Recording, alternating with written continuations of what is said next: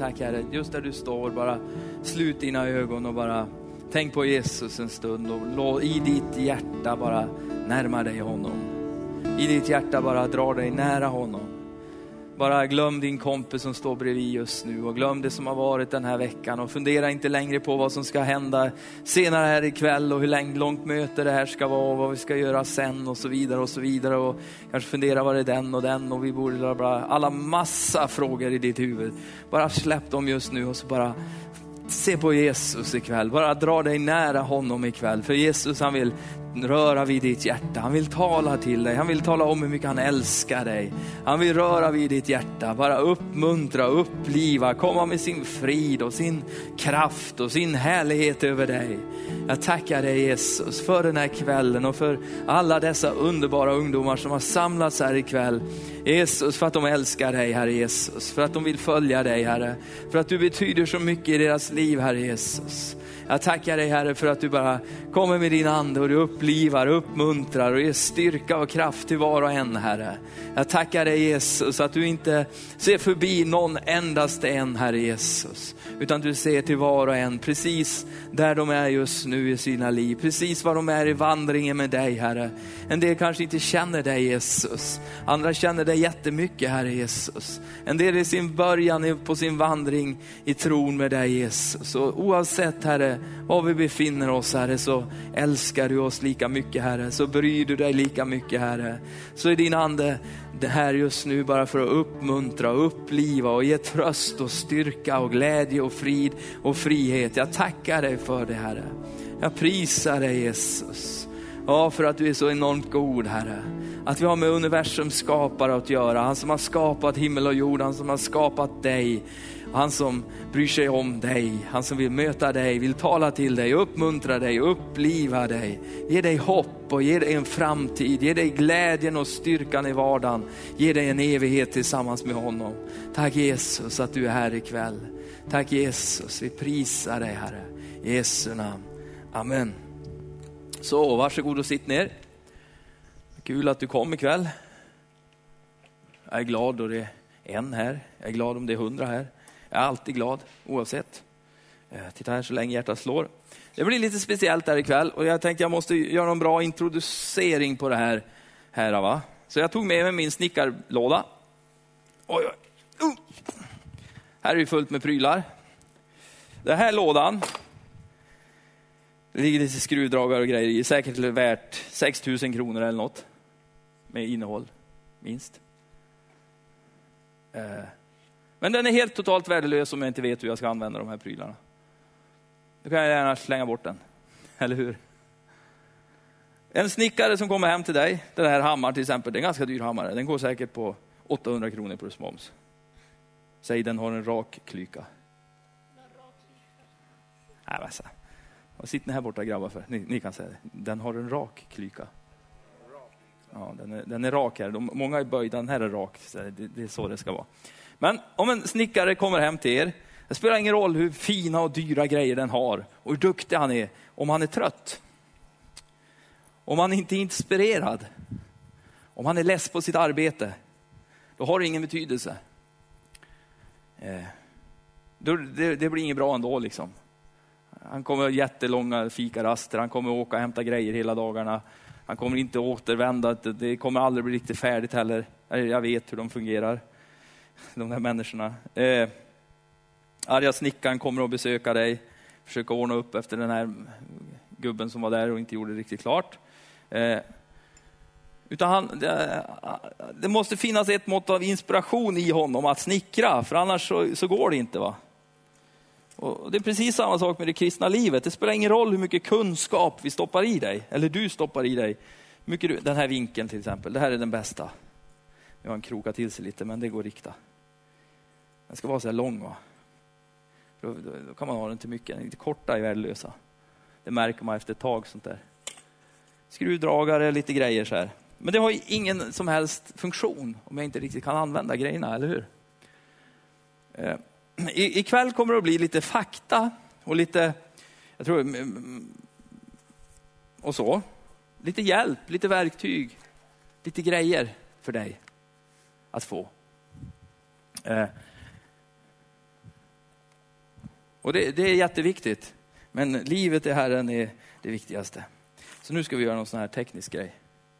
Nu ska vi göra så här. Nu ska vi göra så här. Nu ska vi så här. Funkar? Det, det funkar ju aldrig. Jo, så där. Så går vi ner. Hupp. Så går vi på. Okej. Okay. Så. Vad bra. Ska vi hit. Ska vi dit. Ska vi dit. Ska vi dit. Det är ju enkla steg.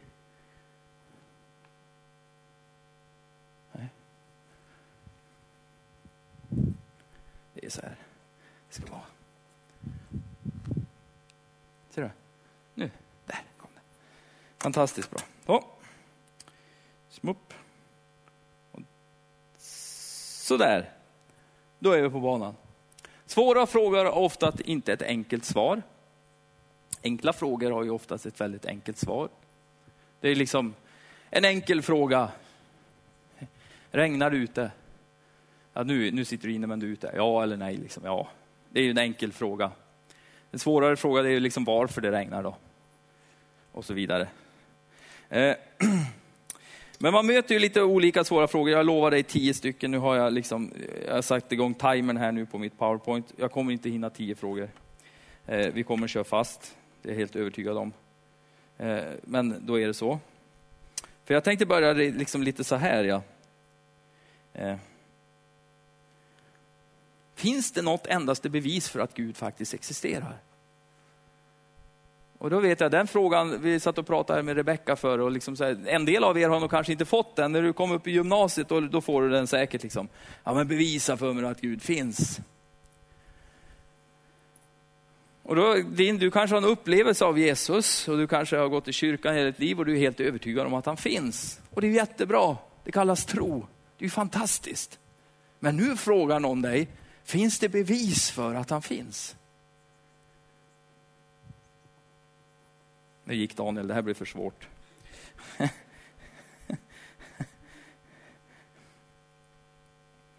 Eh, ja, så hon också. Okej, det här var inte så bra då. Nej. Eh, hur man besvarar en sån fråga, det, det, har, alltså, det beror på vad vi menar med att bevisa, eller hur? Ska jag bevisa att min katt finns, då tar jag hit den och bara håller upp den inför dig. Ser du att min katt finns. Hur kan vi bevisa att Gud, inte, att Gud finns? Eh, jag skrev här, vi tror till och med att det finns mycket starka skäl att tro på Guds existens. Det finns till och med starka skäl att tro det. Va? På, på riktigt. Eh, om du ska ta reda på något om något inte finns, eller finns, om finnar finns, om, om man ska ta reda på någonting, om du forskar och håller på, så finns det olika metoder. En av dem är ju liksom att bevisa motsatsen. Då. Så det är ju en sak då, att bevisa att Gud inte finns. Men det går ju inte. Eh, för någonstans så finns det väldigt starka skäl faktiskt att tro att Gud existerar. Det här är jättespännande. Och då finns det jättekrångliga ord, men jag tänker jag skriver ner dem så har du hört dem. Kosmologiska argument.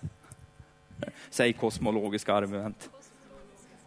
Nej, det där var lite vagt tycker jag. Kosmologiska Ja, själva kosmos, alltså det, det, det här, allt det här.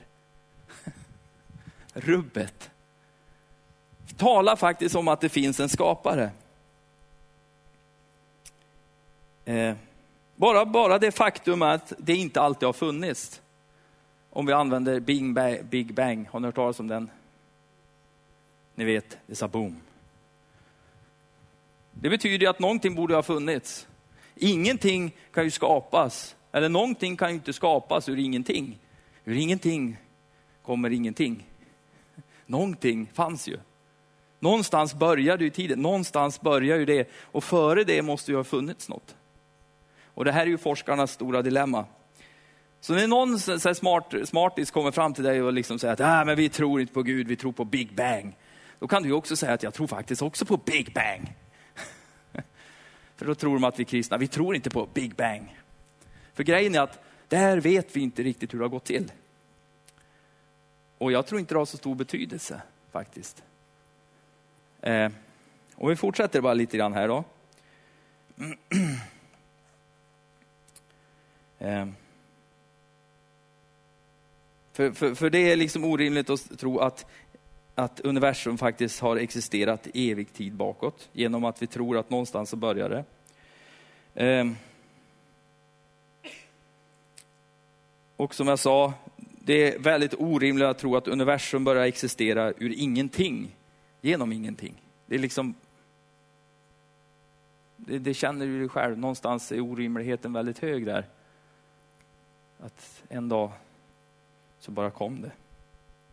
Ur ingenting. Det smög sig liksom ut ur ett svart hål någonstans. Nej, jag vet inte. Jag får, det, det funkar inte riktigt. Därför är det rimligt faktiskt att tro att bortom universum, bortom allt det du och jag ser på, faktiskt finns en skapare. Det, det bästa med evangelium är ju att då tror vi att han också finns här. Va? Eh, eh, det finns ju inte bevisa att alla Guds egenskaper, va? men det ger oss skäl att tro på en icke-fysisk, andlig, icke-rumslig, icke-tidslig, nu är många konstiga ord här, och enormt mäktig första orsak till universum. Att någonting mäktigt gjorde universum. Eller hur? Någonstans så måste det vara väldigt kraftfullt i början för att få till det här. Mycket mer kraftfullt än ingenting. Det började med ingenting. Så växte det på något vis. Det krävdes en massa kraft i början för att få till allt det här. Okej, okay, vi fortsätter. Designargumentet, säg designargumentet. Och så tittar du till den som sitter bredvid dig och säger, det har jag ingen aning om vad det är. har faktiskt ingen aning om vad det här är för något. Designargumentet.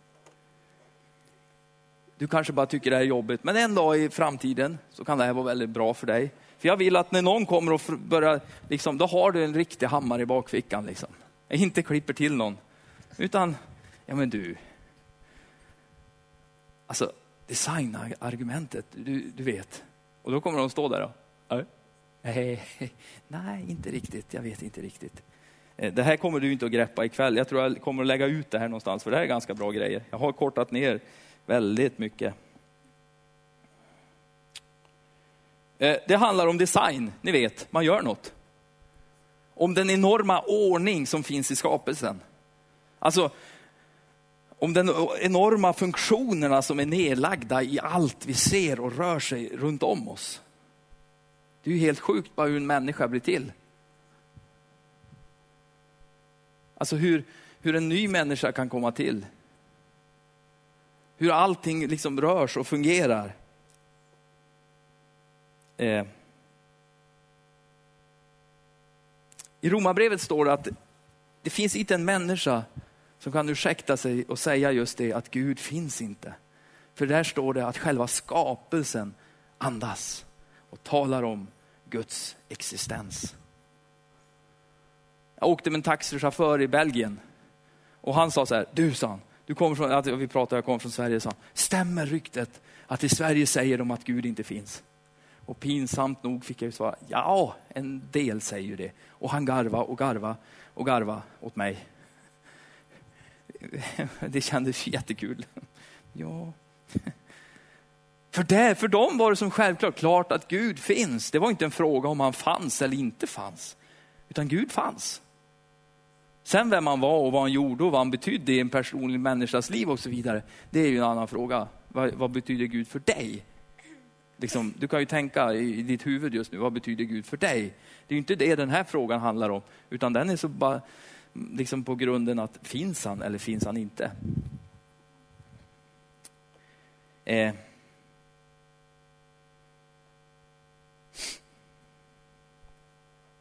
För jag menar, vi har naturlagar, vi har ordning och reda. Tror vi på slumpen eller tror vi på en Gud som har satt ihop allting så det fungerar så otroligt perfekt och bra? Den frågan kan man ju ställa sig. Eh. Och då, då, finns det ju alltid att, ja men det här och det här och det här. Eh. Men det är ju bara ett argument. Det är ett skäl att faktiskt kunna tro på att Gud existerar. Det ger mig ännu ett skäl att kunna tro det. Det ger dig ett skäl att bli ännu tryggare i din tro på att Gud... Det är så skönt i Matteus evangeliet också där, där Gud talar om hur god han är och hur han drar skapelsen också liksom, som exempel. Som gräsmattan liksom till exempel. Och hur han, Gud, ja men du ser ju gräsmattan, den klarar sig. Alla försöker döda den, men den bara växer upp igen. Hur skulle då inte Gud ta hand om dig? Okej, okay. moraliska argument, säg moraliska argument. Och så tittar du på en granne och så säger du vet väl vad moral är?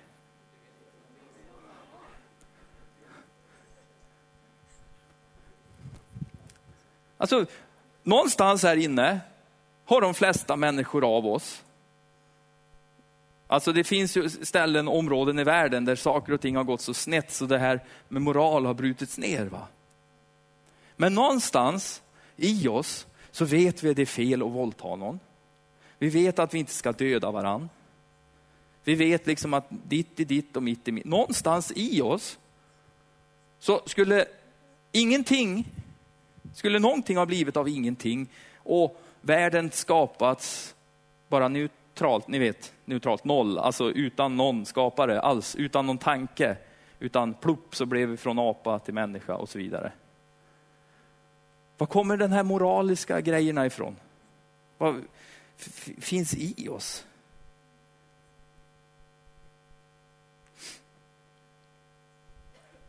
För det är ju lustigt att saker och ting blir ju inte bara rätt för att tillräckligt många tycker det. Gud har lagt i oss ett val att välja. Att tycka till exempel att det finns starka skäl. Det låter ju så smart att säga så, starka skäl. Eller man tycker faktiskt att man har rätt att välja att tro på att det finns en Gud. Och möjligheten att kunna tro på sånt som du och jag inte kan bevisa. Det finns ju otroligt mycket runt omkring oss som du inte ens funderar på. Ja, bevisa för mig. Hörde du. Bevisa för mig det här. Va? Du bara tror liksom. Jag menar din sim, simlärare överbevisar dig att du kan simma. Jag kunde inte simma förrän jag var typ 14 år. Va? Jag var den här hopplösa eleven. Eh, jag, gillar ju inte att bada överhuvudtaget. Det är ingen, fattar inte fortfarande än idag. Frågar min dotter, var är det för kul att bada? Jag begriper det inte. Men jag trodde liksom inte att jag till slut att jag kunde lära mig simma. Men jag frågade aldrig efter bevis för det heller. Utan alla andra simmade, jag kunde inte. Men rätt vad det var så kunde jag. Så jag lärde mig det. Men det, det är många saker vi bara gör liksom. Så här skriver vi. Men vad grundar sig moralen på om det inte finns en god skapare som skapat oss med vissa goda syften? Eh. Så om det inte fanns några värden i början, om det inte fanns något sånt alls, så, så, så finns det ju inget dåligt heller egentligen. Utan då liksom, låt dem torteras, dödas, våldtas, bla bla bla. Det har ingen betydelse. För utan Gud, ingen moral, eller moralen kan man säga svävar fritt. va. Mm. Okej, okay. så kosmologiska, Kära någon, vilket svårt ord ni har lärt er ikväll. Alltså själva, själva skapelsen, själva, alltså rymden, skapelse, Big Bang, hela det här kittet. Talar inte emot liksom, kristen tro, utan för. Design, hur fantastiskt allt fungerar. Moraliska. Och så tar vi den sista, religiösa erfarenheter. Eh, och det är ju därför egentligen vi börjar, du börjar tro på Gud. Va? Du har en erfarenhet av något slag, av någonting som inte riktigt går att förklara i det naturliga, eh, på något vis. Och det är Gud just nu och här. Inte, inte bara skaparen, utan den som är närvarande överallt, jämt. Som har rört vid dig. Eh, det är svårt att klä ord, eh, man kanske får en andlig längtan att, att söka sig till Gud, till Jesus. Man kanske blir nyfiken. Eh, man kanske har upplevt konkreta bönesvar som till och med utomstående har svårt att förklara bort vad saker har hänt. Det är ett mång, liksom att om Gud existerar finns ingen principiell skäl mot tanken att vi kan veta att Gud finns. Alltså, jag kan ju förklara lite närmare, bara lite kort, att eh, det finns ju ingen som kan komma och säga till dig egentligen att det du har upplevt och det du har varit med om, det var fel. För det är ju din upplevelse av det hela, eller hur? Varför blev det så här idag för? Sex rader bak. det, är väl,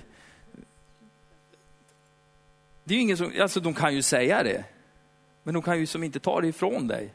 För det är ju din upplevelse som du har haft med Gud. Nej, det har du inte haft. Jo, det har jag haft. Nej, du har inte upplevt det. Jo, jag har upplevt det. Nej, du, det, det, alltså det du har upplevt har du upplevt, eller hur? Du kanske har spytt i en berg och dalbana en gång och tyckte att den berg och dalbanan var fruktansvärt hemsk att åka i. Och det var ju precis så det var för dig va?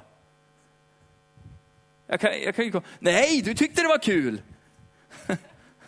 nej. Jag vill, inte ta, jag vill inte vara i närheten av en berg och dalbana. Så fort jag ser den på tv spyr jag. Nej, det gör du inte alls. Jo, jag gör det. Det är min upplevelse. Och den kan ju inte, liksom... Och det är ju där som det, det blir så tråkigt när folk håller på så. Va? Bara dänger på dig för att du har en upplevelse med Gud. Det blir jätte, jättekonstigt. Nu släpper vi det där. Men jag gillar ju den här, alltså, för mig, jag, jag, tycker det här är väldigt fascinerande, men jag vet det kanske inte du tycker. Men grejen med det hela är att finns Gud finns ju alla möjligheter. Är det så, så är det ju så. Och grejen är att till och med lärare på gymnasieskolor idag står ju faktiskt och hävdar att Gud inte finns. De gör fakta av teorier. För det är så att alla skapelseberättelser du läser om i skolan är bara teorier. Det, det heter inte, det, och det heter till och med det i fackspråk, att det är teorier. Vi har teorier om att det är så här. Det betyder att det inte är ett 100% fakta.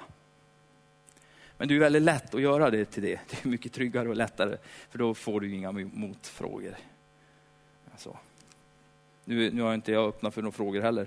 Det finns ju hundratusentals frågor, men hur ska jag hinna det här? Ställ frågorna, vi tar dem sen. då blir det inte av, jag vet. Men varför i all sin dag dog Jesus på ett kors? Är det någon som vet? Bra. Är det någon som vill svara på det? Ja? Amen.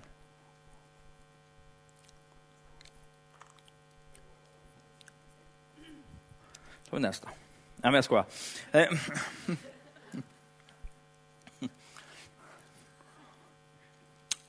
Han dog för dina och mina synders skull. Och det är det där som är... är det, tycker, vad tycker ni om ordet synd? Är det jobbigt eller? Är det jobbigt eller? Ja, men det är ju inte så här positiv klang ändå, tycker jag personligen. Eller? Synd. Du är en syndare. Amen. Underbart. Ja, men det, det är ju så att ordet synd har ju liksom en liten negativ klang liksom så här i våra öron. Men det betyder inte att det inte är sant. Eller att det inte existerar bara för det. Men grejen är att Gud hade en plan med hur han skulle hantera synden. Synd, det, det vet ni i högstadiet har fått, hålla på med det här nu. Vad, vad betyder det? Att missa? Du är inte högstadiet, sa han. Fyra år på bibelskola, teologiska utbildningar här. Att missa målet. Det egentligen liksom betyder orda, ja, synd, synden, att missa målet. Ja. Och jag gillar den bilden. Det är det i människors liv som gör att vi missar liksom målet med, med livet. Planen, drömmen, bilden som finns i himlen. Vilket jag tror finns för varje människa i Guds hjärta. Eh, vi säger så här att Jesus, Jesu död på korset är enligt våran tro världshistoriens absolut viktigaste händelse. Jag pratar om synd nu. Okay. Det är en av de liksom, viktigaste händelserna i hela världshistorien. Det är viktigare än liksom 11 september. Det, det är viktigare än allt. Jesus sa i Markus, du kan lägga det här på minnet eller skriva ner eller på något vis. Markus 10.45 sa han så här. Han sa så om sig själv. Att han kom för att ge sitt liv till lösen för många. Och han beskrivs som Guds lamm som tar bort världens synd i Johannes 1 och 29. Jesu död var en offerdöd för mänsklighetens synd. I honom är vi friköpta genom hans blod och har förlåtelse för vår synd. Efesierbrevet 1 7.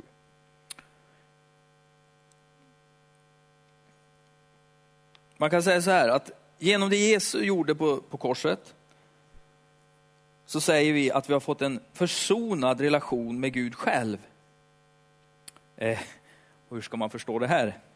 Hur kan en persons död vara ett ställföreträdande offer? Hur kan synd och skuld överföras till någon annan på, ett, på detta sätt?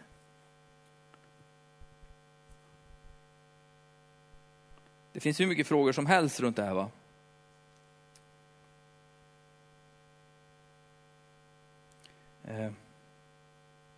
Men Bibeln talar ju väldigt klart om det.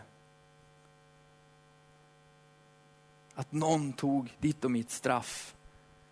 Vi behöver inte missa målet. Vad är målet? Det är att känna Gud. Vad gjorde han? Han helade och försonade relationen igen. Det, det värsta jag vet, det är relationer som är lite så här knas. Va? Har du haft en sån relation någon gång? Jag tror alla upplevt det där. Va? När du har en relation som inte är riktigt så här ah, sylvass, som inte är riktigt så här glasklar. Utan du har något emot den personen och den personen har någonting emot dig. Och det räcker att man liksom börjar prata i närheten om den här situationen eller den här personen och så blir det så här, åh jobbigt, jobba linen. Och det värsta av allt, det är ju att den personen dyker upp. Ja, och då blir det så här jobbigt va. Varför? För det finns någonting emellan er va, eller hur? Det krävs ett förlåt eller en försoning. Och grejen är att det kan ta jättemånga år någonstans. Och så tänker man att det försvinner kanske det här. Och så kanske det går fyra, fem år och så dyker den här personen upp och så bara, nej, det är kvar ännu. Det har liksom inte försvunnit bara. Du kanske har, har, du gjort upp med den personen och sagt förlåt och du vet att allting är klart va? Ja, men då är det klart. Då kan det bli ett känslogrej liksom, grej också. Att det kommer tillbaks någon händelse men det är liksom, ni har gjort upp men det är fortfarande känslor kvar i det hela. Men det krävs ibland ett förlåt. Min fru behöver inte ens säga kvastskaft. Eller sex laxar i en laxask. Eller något annat fiffigt. För att jag ska förstå hennes ögonspråk till mig. När de är så här, du vet, det här svarta och så ni tjejer, ni bara, ni bara liksom trycker ur er det här mörka, jobbiga. Så man...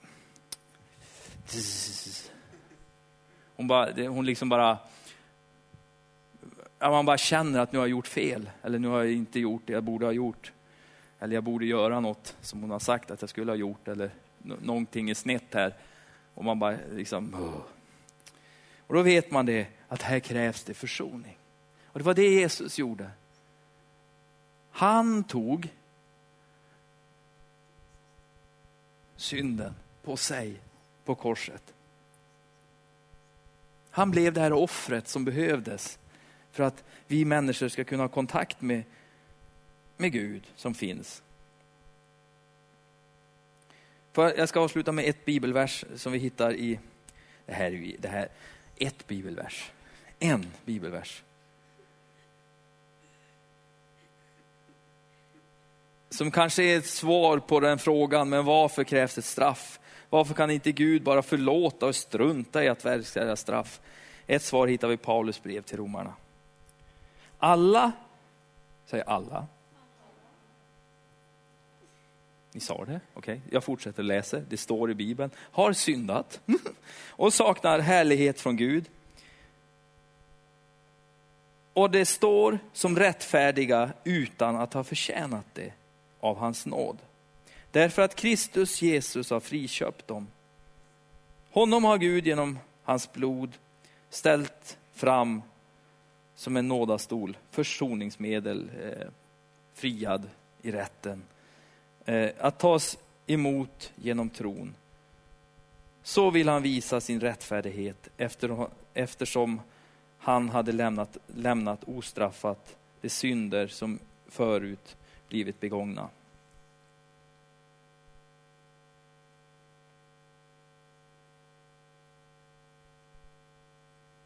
Att förklaras rättfärdig, vi vänder på ordet och säger att du är färdig i rätten.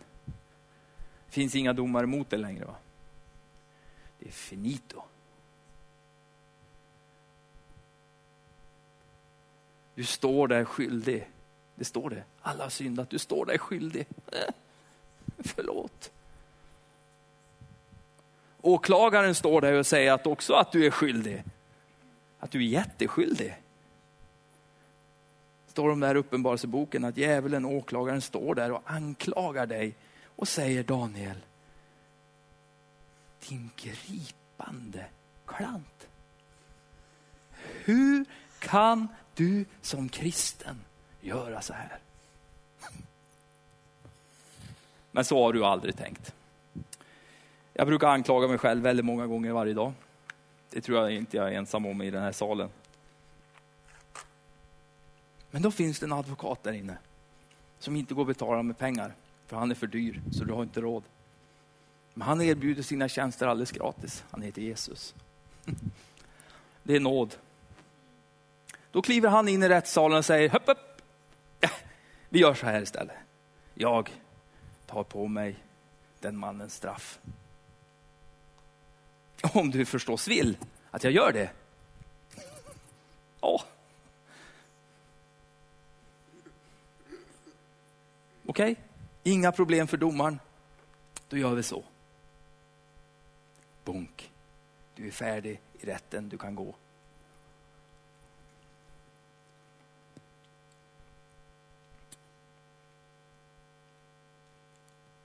Därför blir Jesu död en verklig mötesplats mellan Gud och människan. Där är Gud sann mot hela sitt väsen, sin rättfärdighet. Jag har använt mycket svåra ord här, men nu går vi in på lite sånt här istället. Jag har satt klockan så det bara, jag, bara, jag klipper då det är slut på tid. Liksom. Då blir det lite så. Men det här, för dig som är kristen, för dig som inte är troende, för dig som är någonstans mitt på vägen. Fundera lite grann över det här. Vad betyder, vad betyder det att Jesus stod på ett kors för mig? Va? Utan den mannen på det korset, ingen relation med honom som har funnits från begynnelsen. Okej, okay, för dig som är kristen, är det fel att dricka alkohol? Eller är det synd att dricka alkohol? Det är väl kanske frågan egentligen man ställer sig på. Och nu är vi inne på det här med svåra frågor. Vi kan ge ett väldigt enkelt svar till dig ikväll och säga ja, och så går vi vidare. Eh, eller så ger vi lite belägg för ditt tro. Du vet. Skinkan, ägget, osten, kaviaret, räksalladen måste ligga på en macka för att det ska bli riktigt god, eller hur? Annars är det ju bara liksom så här. Det är väldigt kladdigt och väldigt opraktiskt. Eller hur? Så det är bra med pålägg och det är bra med belägg, underlägg och en macka. Och här ska du få bara lite små points. För, för, nu ska jag vara helt ärlig med dig. I Bibeln står det tyvärr inte att man bara kan bläddra upp och så står det i någon bok att, att det är fel förbud mot alkohol. Det elfte budet. Men det finns drösvis, säkert 50 bibelverser som handlar om det och hur vi bör relatera till det. En ganska viktig del. I Galaterbrevet 5 och 21 där beskriver dryckenskap som en synd.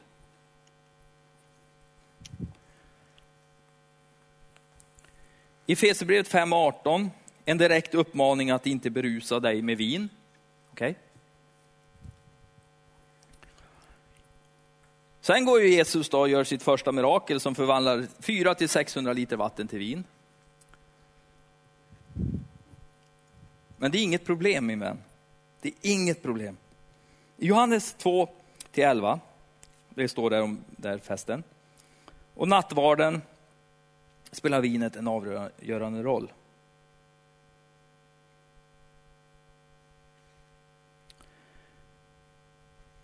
Men det är inte den enda aspekten, det är inte den enda tanken runt alkohol. Va? Utan det finns ett mycket högre syfte.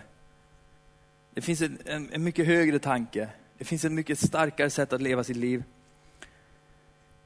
Och det finner vi också i Paulus i Romarbrevet. Eh, det står så här. Det är bra att avstå från kött och vin och annat som blir en stötesten för sin broder. Och jag tror att det som är bra att avstå ifrån är ett bra råd att leva efter. För, för grejen är att en dag så står det också att efter dina och mina gärningar ska vi faktiskt bli dömda. Va? Efter, efter hur jag levde mitt liv. Det finns kärlekens bud, det finns, det finns ett bra sätt att tänka. Frihet under den kristna kärlekens ansvar. Säg det till din granne. Det är en jättejobbig formulering, men den är bra. Kärlek under den kristnas under den kristna kärlekens ansvar.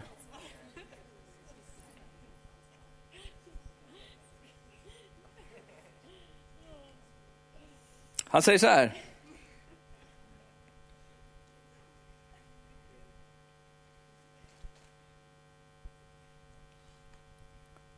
Talar om frihet, han talar om att allt är lovligt och så vidare. Men du bär ett enormt ansvar som kristen. Du gör det, att peka på sanningen, att peka på Jesus, att hjälpa den svage, att komma liv till den här världen. Frihet under kristna kärlekens ansvar. Att du bryr dig mer om människor än vad du själv, dina egna små behov. Du bryr dig mer om andra. Att våra församlingar får vara en frizon ifrån alkohol och sprit.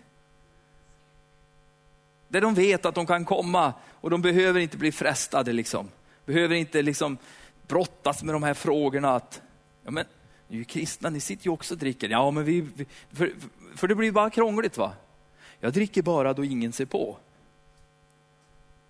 Ja, men, du, du, det blir bara krångligt.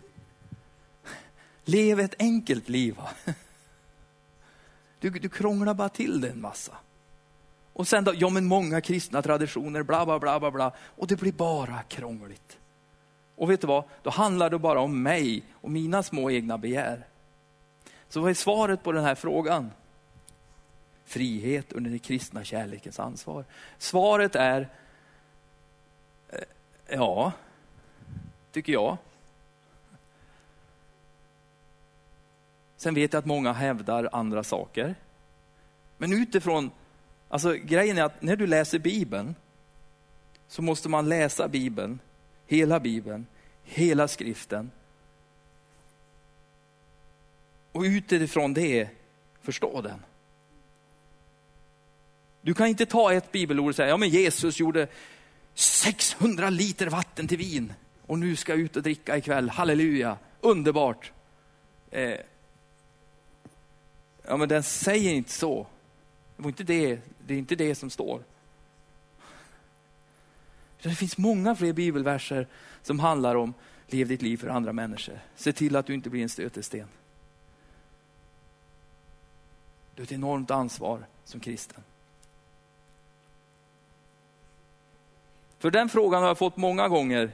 Nu, ska jag, nu om några veckor här ska jag ut med mina fotbollstränarkollegor. Och då vet jag att den här frågan kommer att komma. För då ska vi köra gokart och så ska vi ut på det är någon pub någonstans här i stan. Min Hanna bara, pappa du får inte dricka sprit.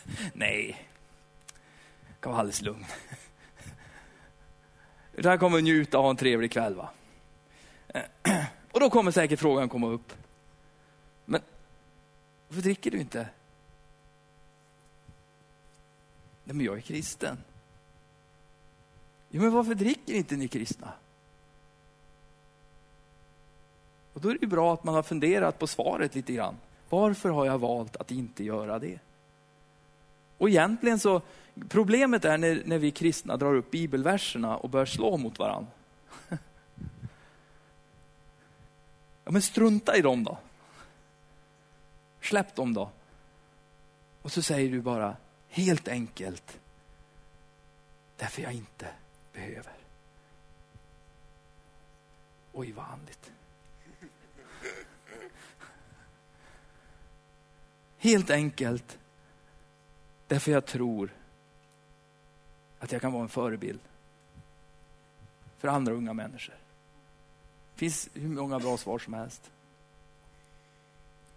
För allt för många liv hamnar i spillror och grejer.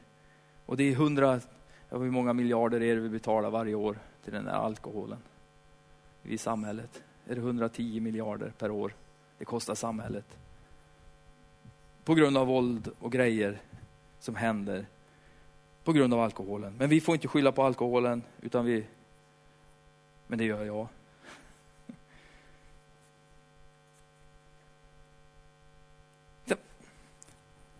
Ho! Nej, kära någon alltså. Det... Ja, vi kör. Okej. Okay här finns ett väldigt kort och enkelt svar. Det här är egentligen inte en svår fråga, utan väldigt enkel, för Bibeln är väldigt rak och enkel och väldigt klar på den här frågan och svaret är ja. Men ni glömmer ju inte att Jesus dog för dig. Okej? Okay? Så går det snett så finns det alltid förlåtelse. Men jag gillar den här ringen. I'll wait. För det finns inget så underbart att lyckas hålla sig tills du möter den du gifter dig med, den du tar ringen med och säger att jag kommer älska dig i resten av mitt liv. Jag kommer aldrig skiljas åt. Jag har inte haft någon före, jag kommer inte ha någon efter. Eh. Men varför då? Jag vet inte hur mycket tid. Jag kan köra med det här. Det här är bra. Det här är riktigt bra. Är det jobbigt med att tala om sex i kyrkan? Ja eller nej? Nej. Nej. Eh. Bibeln har jättemycket att säga om sexualitet, om, om, som talar väldigt positivt om sexualitet faktiskt. De kristna är inte liksom, vad ska jag säga, så här tråkiga, bara negativa hela tiden och säger att allt är fel. Eh. Utan det här är något som, alltså vi är skapta med det här. va. Det här är inget som har lagt på dig under vägen liksom, som ett ok eller något fruktansvärt som bara dök upp en dag. Utan du är skapt sån. Va? Eh, du ska få några bibelställen. Det skulle kunna gå, man, så här, man skulle kunna göra två listor om man skulle vilja. Eh.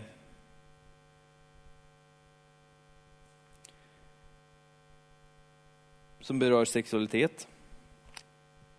En är positiv och en är eh, lite mer negativ. Då. en är rätt och en är fel. Eller Eh, en uppmuntrar dig till att leva på ett rätt sätt. Efesierbrevet 5, 25 och 32. Eh, den hör man ofta då du är på bröllop. Där uppmanar Paulus dig, man och hustru ska älska och underordna sig varandra. Här hittar vi alltså ord hur vi ska, bör leva ut vår sexualitet och så vidare.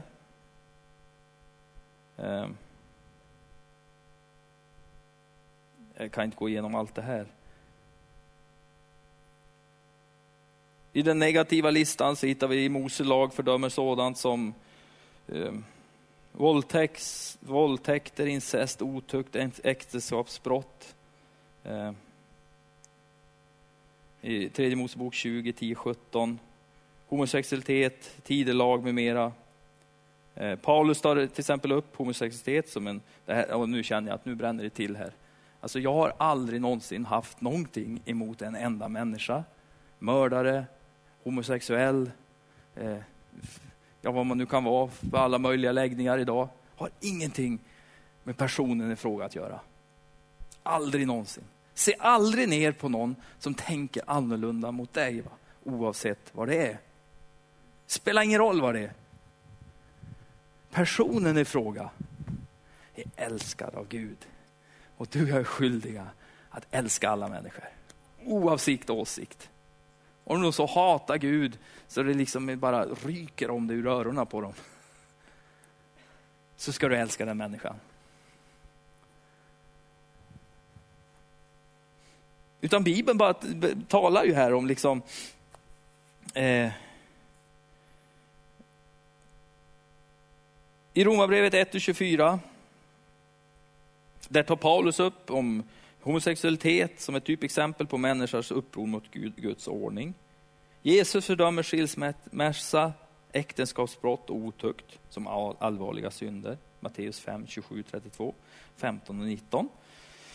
Eh, eh, och det här är ganska intressant om ni lyssnar nu.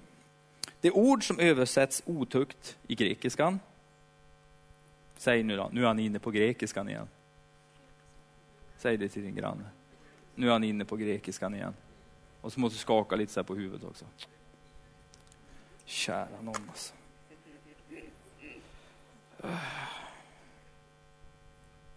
Ni kan inte gissa vad det ordet är. Det är pornia. Från vilket vi fått pornografi. Ja, det var det värsta. Ordet har fått specifika betydelser som hor eller prostitution. Eh, men vi talar om otukt i Bibeln. Eh, en mening för alltså en o, o, utomäktenskaplig sexuell handling. Det finns en mängd olika bibelord. Eh, bilden på sex också är ju någonting som har blivit förändrad på ett sätt. Och jag vet inte vad som dyker upp i ditt huvud när du tänker på det. Skaffa barn? Ja. Det är ju så det går till.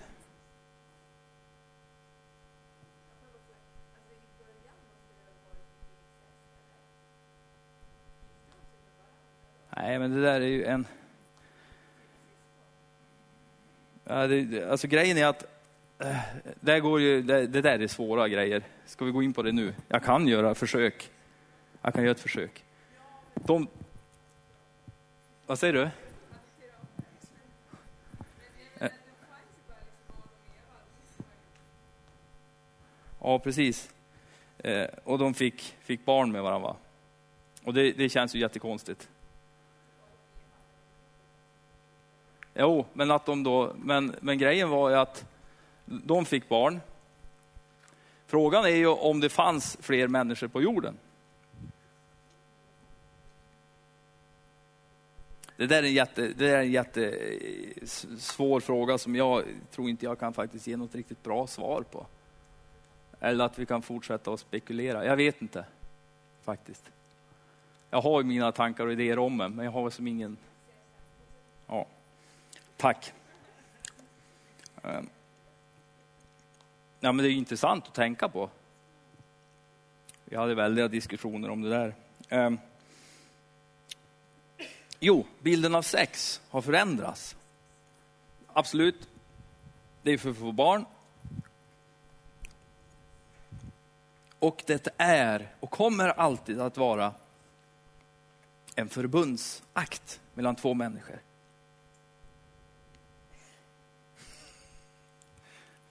Nu sa hon oh.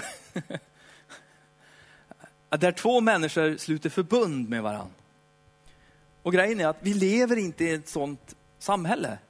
Är det någon här som har slutit ett, nu frågar jag inte om du har sex med någon, utan bara slutit ett vanligt förbund med någon helt enkelt? Nej.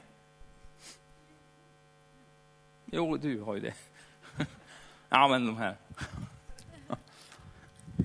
Förr slöt de ju blodsförbund med varandra. De skar upp ärmarna på varandra och liksom korsar dem och såna här grejer. Att de, där de lovar varandra att skydda varandra hela sitt liv, att vara liksom den andres tjänare, att alltid stå vid den sida, oavsett vad som hände.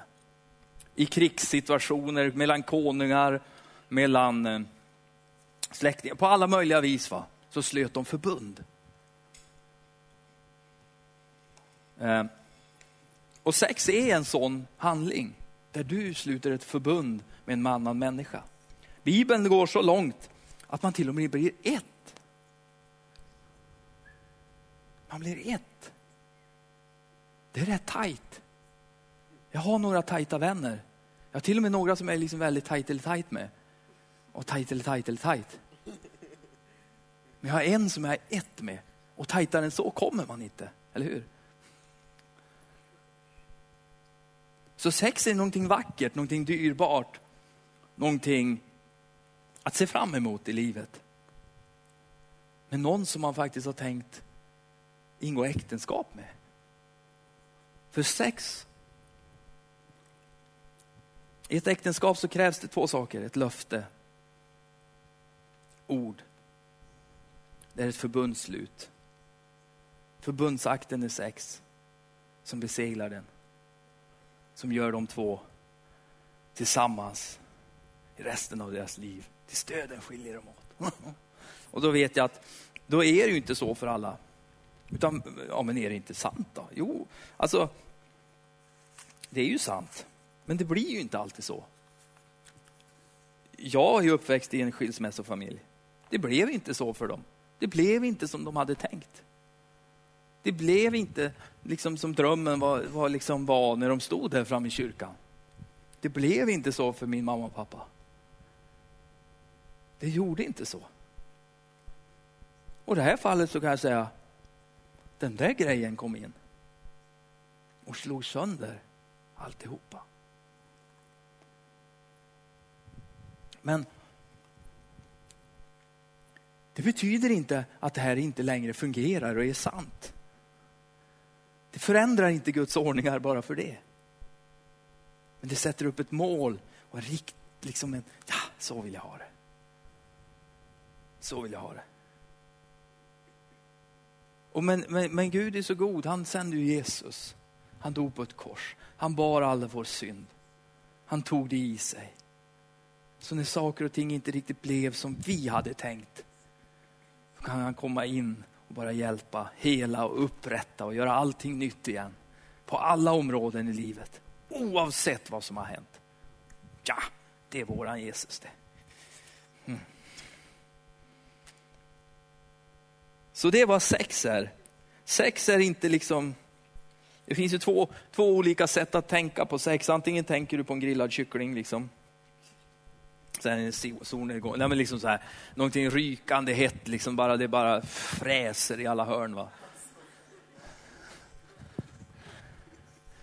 Eller så är det som en, en ljuvlig solnedgång. Någonting fantastiskt.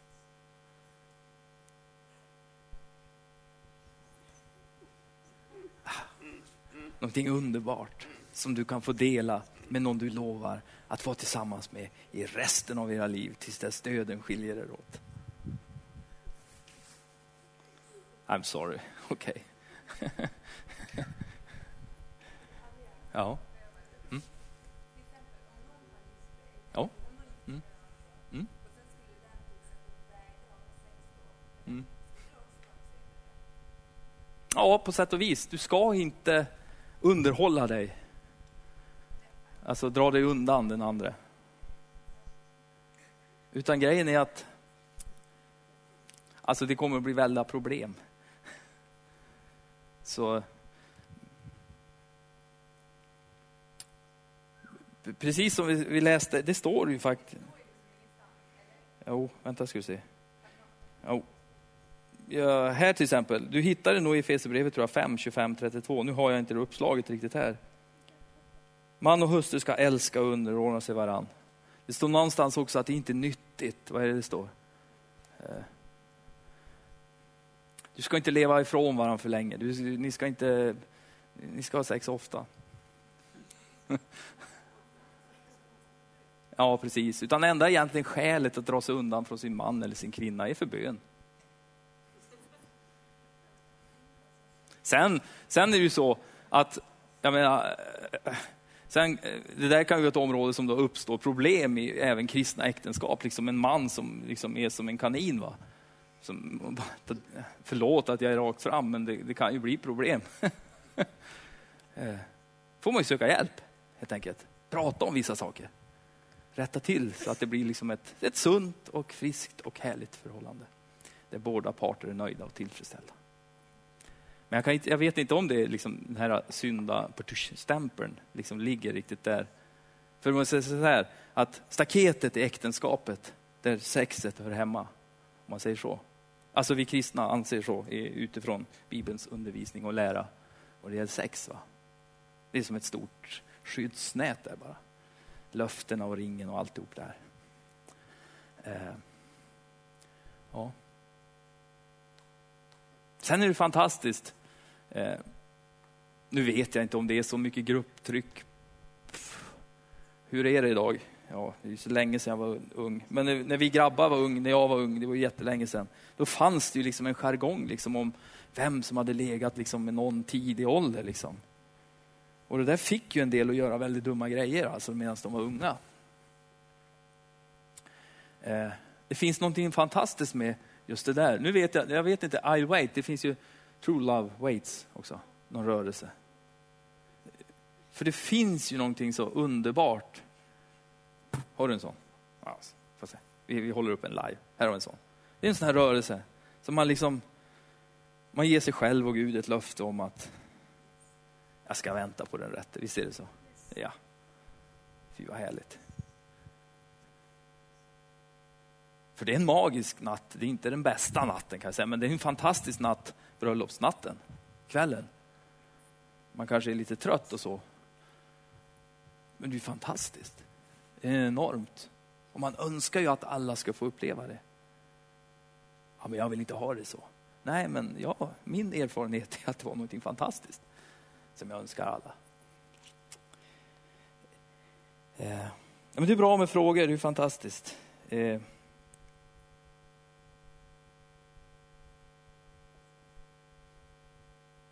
men man kan ju säga att jag läste en enkät, jag får, jag får hem, jag prenumererar på massa grejer. Gör du det på internet också så får du så här nyhetsbrev och grejer från alla möjliga.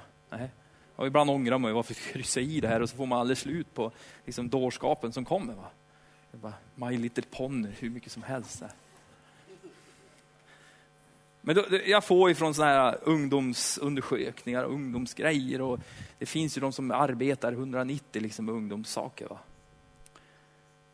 Och då hade de gjort en undersökning liksom om vad, det här med sexvanor och vad, liksom vad som var rätt och vad som var fel och så här. Och då var det liksom, ja, det fanns väl inget rätt och fel i sex och när man skulle ha med vem man skulle ha liksom, hur ofta och så vidare. Utan egentligen det enda som var fel, det var med djur. Va? Hoppsan Kerstin, tänkte jag då. eh, tänkte, har det gått, är, är, är det verkligen så? tänkte jag. Eller har de drivit liksom hela undersöknings... Ibland så kan ju ungdomar bli så också att nu, nu, ska, vi, nu, ska, de, nu ska vi brassa på här, liksom. vi bara kryssar i allt. Eh, så då. Men det lät väldigt galet alltså. Det lät väldigt, väldigt galet.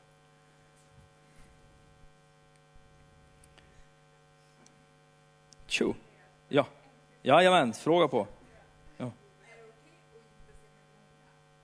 Nej.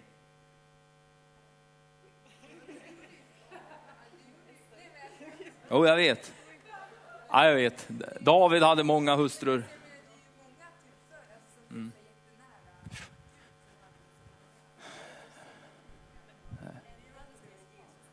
Blev, allt blev mycket hårdare när Jesus kom. Ja, är det säkert? Ja, det är säkert. Du ska hålla dig till en kvinna. Förr, så är det, gamla, gamla lagen, då, då, då, då var det så att då, då begick du en synd och du gick över till grannens fru och låg med henne. Den nya lagen när Jesus kom, då räckte det att du tänkte fel. Att du tänkte på henne. Att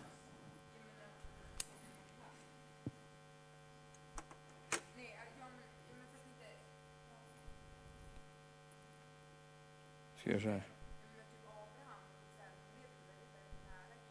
Absolut, eller de...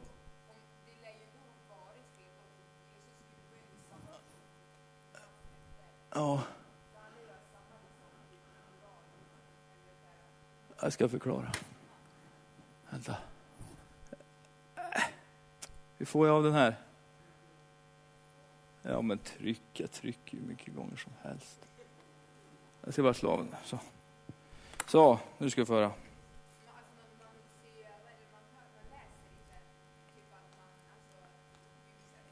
Om vi säger så här.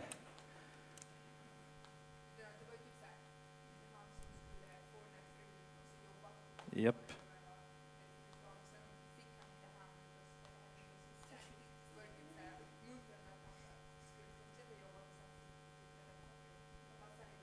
Jakob. Vänta, ska vi se. Kommer strax. Kommer strax. Har ni tålamod? Nej. Det är så här.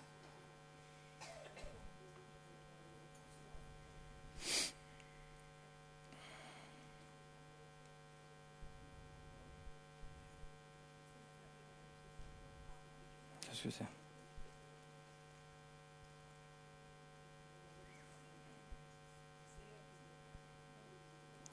Eh.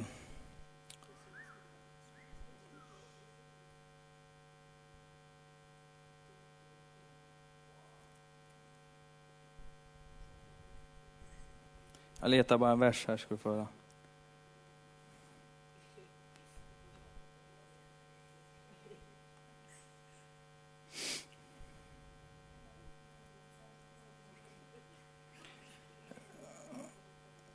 Du ska hålla dig till en hustru. Äh. Ja. Tack.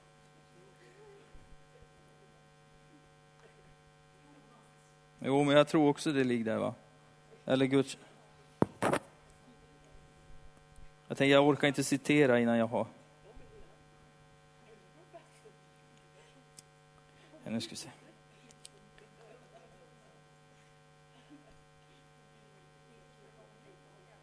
Nej då. Jag, jag tänkte bara ge dig ett bra svar. Inte bara mitt gömmel, utan du ska få.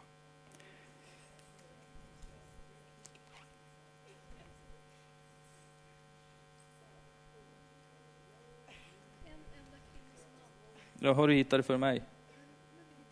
Ja, vänta. Ja, tre och två, okej. Okay.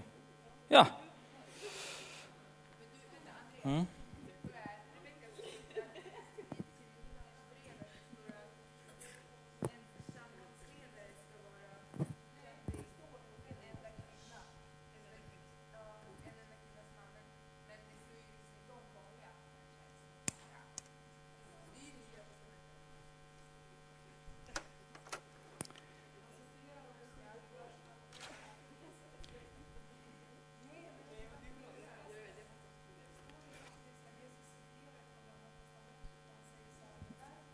Skall mannen lämna sin far.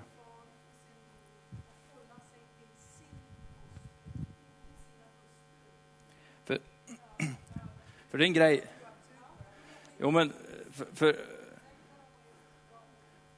för vad man måste se också på David och alla de här som levde nära Gud, var ju väldigt formade av sin tid, även de. Och jag kan ju säga att så här, de levde ju inte rätt i mycket de gjorde. Eh, än fast de var använda av Gud och än fast de var liksom profeter och allt möjligt. Va? Så gjorde de.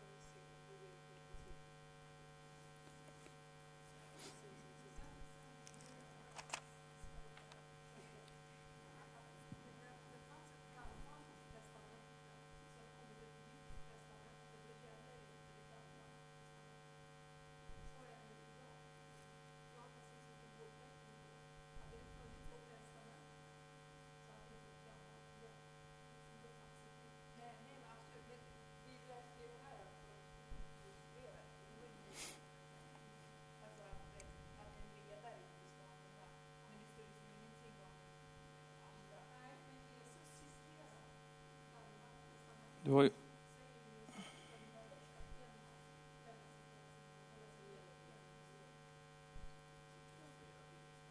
Ja, ja. Ja, jag tror också. För...